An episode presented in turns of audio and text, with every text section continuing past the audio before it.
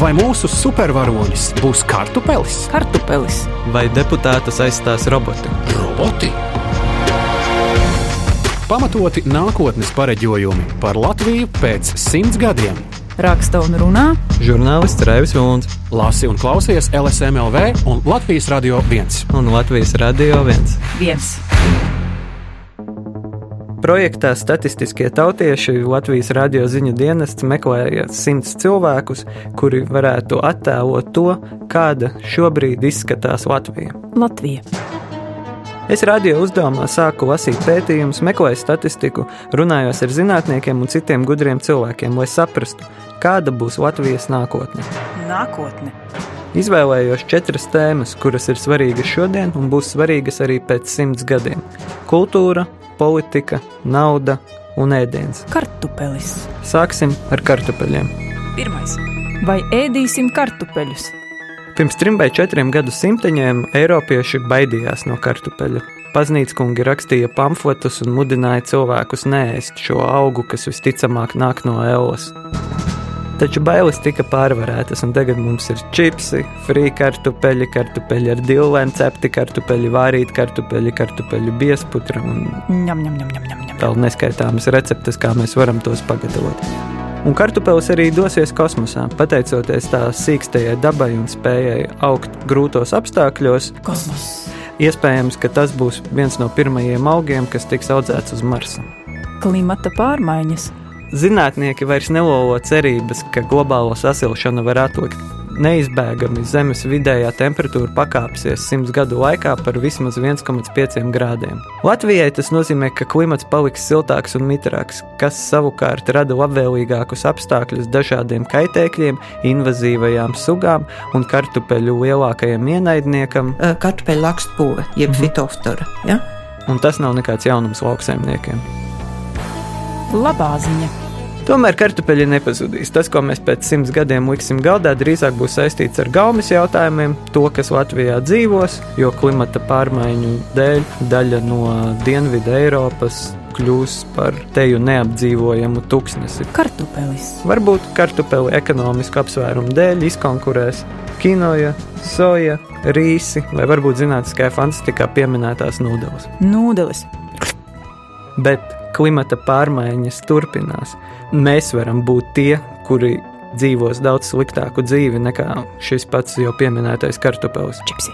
Jāskatās, kā mēs varam samazināt piesārņojumu, mums ir jāmeklē alternatīvie enerģijas avoti, mums ir jādomā par to, kā saudzīgāk izturēties pret dabu apkārt, atkritumu šķirošana, plasmasas maisiņu neizmantošanu uz veikalu, aiziet pēc tā paša kartupeļa, var ar ā, auduma maisiņu, kuru var vairāk kārt izmantot. Maisiņš. Bārā atteikties no ā, salmiņa kokteili un tam līdzīgi. Tie visi ir sīkumi, bet patiesībā arī šie ir tie jautājumi, kas var izšķirt mūsu nākotni. Otrais. Kādu naudu saņemsim? Mēs pie naudas principā tiekam iemainot savu laiku, kuru varētu pavadīt ar ģimeni, draugiem, atpūšoties, ēdot kartupeļus, guļot. Mēs, ejot uz darbu, izvēlamies savam darba devējam atdot noteiktu laiku no savas dzīves. Pret naudu, kuru mēs izmantojam arī, lai iegūtu citus produktus un citas lietas iPhone.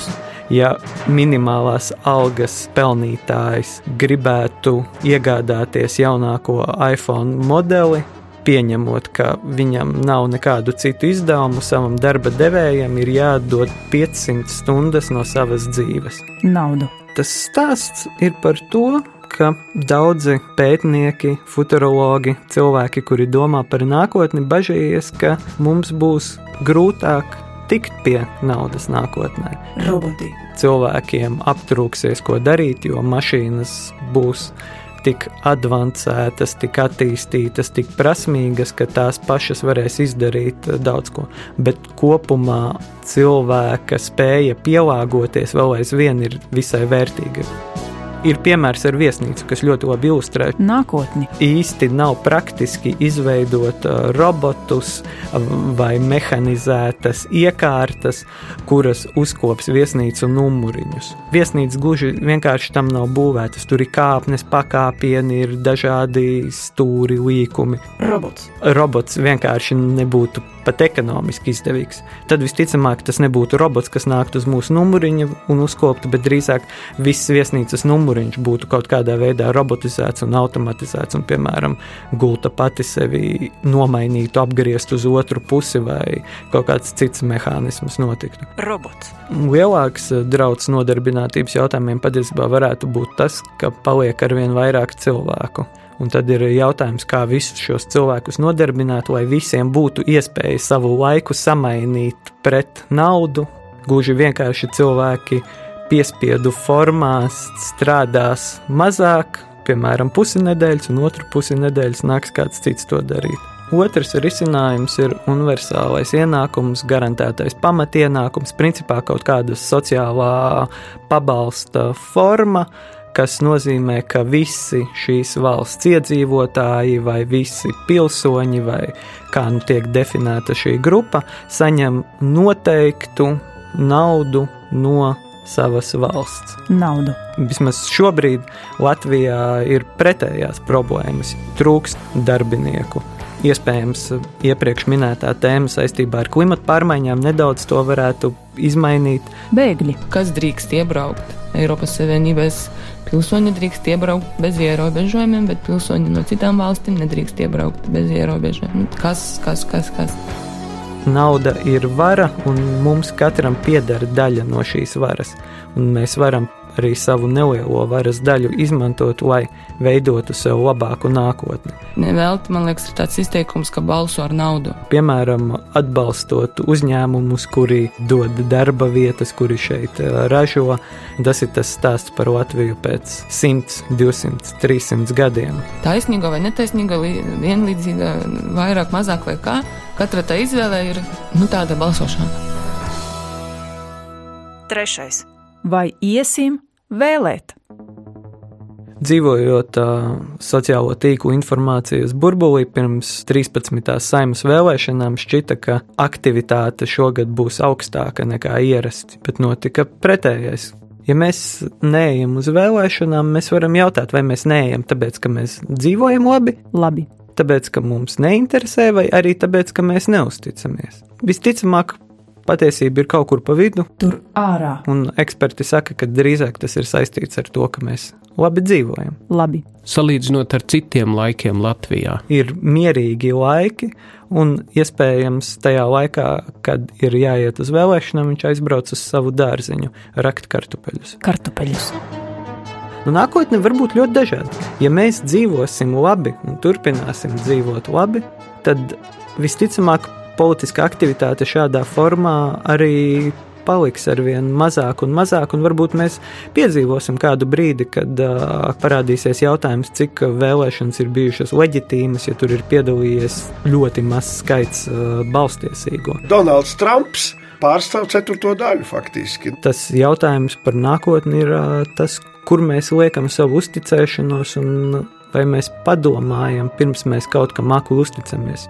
Citi cilvēki savu uzticību mūsdienās ieliek uh, automatizētajos risinājumos, proti, mēs uzticamies algoritmiem.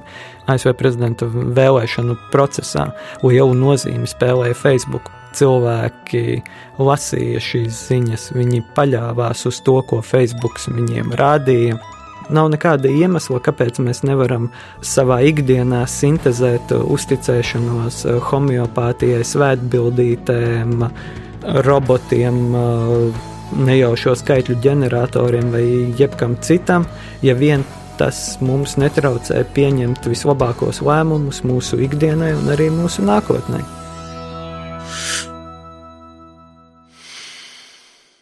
Ceturtais. Vai būsim supervaroņi? Melnā pantēra. Pagājušajā gadā ASV lielu uzmanību un lielu popularitāti un arī lielus ieņēmumus ieguva filma Melnā pantēra. Tā ir supervaroņu filma galvenajā lomā, un praktiski visas lomas filmā spēlēja tumšādaini aktieri, kur galvenais tēls bija fikcionāls Āfrikas valsts karalis Tačala! Tučala, viņš arī ir melnais pantēra. Vakanda ir attīstītākā pasaules valsts ar zinātni, kas ir daudzus desmitus gadus priekšā amerikāņiem un jebkurai citai attīstītajai nācijai. Tieši šis arī piesaistīja tumšādainos pasaules iedzīvotājus, ne tikai amerikāņus, bet arī daudzās citās valstīs. Īsti vai fikcionāli varoņi ir kaut kas, uz ko cilvēki var tiekties. Tas var izmainīt uh, cilvēku realitāti, ja viņi redz kādu, kas ir viņiem līdzīgs. Identificēties, Un tad man uh, radās jautājums par latviešiem. vai mums ir varoņi? Mums savu supervaroņu nav. Ja Latvijas parādās, viņš tiek dekonstruēts, parādīts kā politiķis, kuram neizdodas glābt Latviju. Viņš tiek kaut kādā veidā apspēlēts, uh, varbūt savā ziņā arī modernizēts, bet modernizēts padarot viņu reālāku. Viņam tiek norautas viņa ausis, viņam nav spēka. Ausis. Mēs uh, arī gluži tāpat kā cilvēki, kas uh, identificējas ar Melno Pantēru, ar Vakandas karaļvalsti, arī mums šādi varoņi varētu palīdzēt justies uh, drošākiem par savu vietu pasaulē, par to, ka arī latvieši var būt uh, supervaroņi, latvieši var būt superspiegi, latvieši var būt jebkas, kas latvieši grib būt. Latvijas iedzīvotāji. Latvijas iedzīvotāji, Tad es sāku interesēties par to, ja mums nav supervaroņu vai mums ir varoņi. varoņi, Uh, the contrary. Islandiešu pētnieks Markus Mekls, kurš skatās nevis uz uh, neīstiem un izdomātiem varoņiem, bet viņš skatās uz īstiem varoņiem. Un viņš saka, ka latviešiem nav varoņu. Bet viņa doma nav tā, ka mums trūktu varonīgu cilvēku vai mums trūktu iespēju varoņiem rasties. Problēma ir tā, ka mēs par cilvēkiem nerunājam kā par varoņiem. You just want to be recognized for what you are a victim. esam atteikušies no varonīguma, lai apstiprinātu sava upura un vēsturisko netaisnību cietēja lomu. The biggest victim in history. Bet ne obligāti tā, ka mums tiešām nav šo varoņu stāstu. Jo, manuprāt, piemēram, par uh, atmodas laiku tiek uh, runāts daudz, un, piemēram, Dainis Īvāns tiek pieminēts uh, visai bieži, un par viņu tiek rakstīts un stāstīts, un tur šķiet parādās šīs varoņu stāsta uh, iezīmes. Bet viena grupa, ko mēs iespējams esam izslēguši no šī atmodas uh, varoņu stāsta, ir sievietes. sievietes, Latvijas Universitātes sociālo zinātņu fakultātes pētnieces Marita Zitmane un uh, Laura Ardava ir veikušas pētījumu. Sandra Kalniete, Māra Zālīte, Marina Kostaņecka, Ieva Akurātere un Ita Kozakēviča. Politika ir maskulīns lauks. Tagad pastāvat un pagaidat, tagad nāk večs va taisīt valstu un sakārtot valsti. sievietes, Tāpēc šīs atmodas laika sievietes tagad neatceras kā atmodas laika instrumentālas dalībnieces, jo viņas neuzvarēja tajā laikā, proti, neiekļuva aktīvajā politikā. valsts, Runājot par nākotni, ja mēs gribam veidot labu nākotni, nākotni, kas ir laba nevis tikai vienai grupai, piemēram, vīriešiem, tad mums arī ir jāveido stāsti gan par tagadni, gan pagātni, tādi, kuri stāsta par visām sabiedrības grupām. meža meitas, Ne obligāti mums ir jāveido neeksistējoši stāsti par vēsturi, lai gan tas arī ir ļoti jauki. Popkultūra un fikcija ir ļoti nozīmīga sabiedrībai, bet mēs varam arī vēsturē meklēt šos stāstus, ka arī tolaik ir bijuši šie cilvēki, kuri ir dzīvojuši tādu un tādu dzīvi. Jo, ja mēs gribam nākotni, kas ir laba visiem, mums ir arī jārunā par tagadni un pagātni, kur ir visi. visi, Būs jau labi. Mani sauc Raivis Vilons. Visus rakstus, faktus, datus un ekspertu komentārus meklējiet LSMLV, bet īsās animācijas versijas stāstiem par kartupeļiem un varoņiem skatieties Latvijas radio ziņu dienesta Facebook lapā.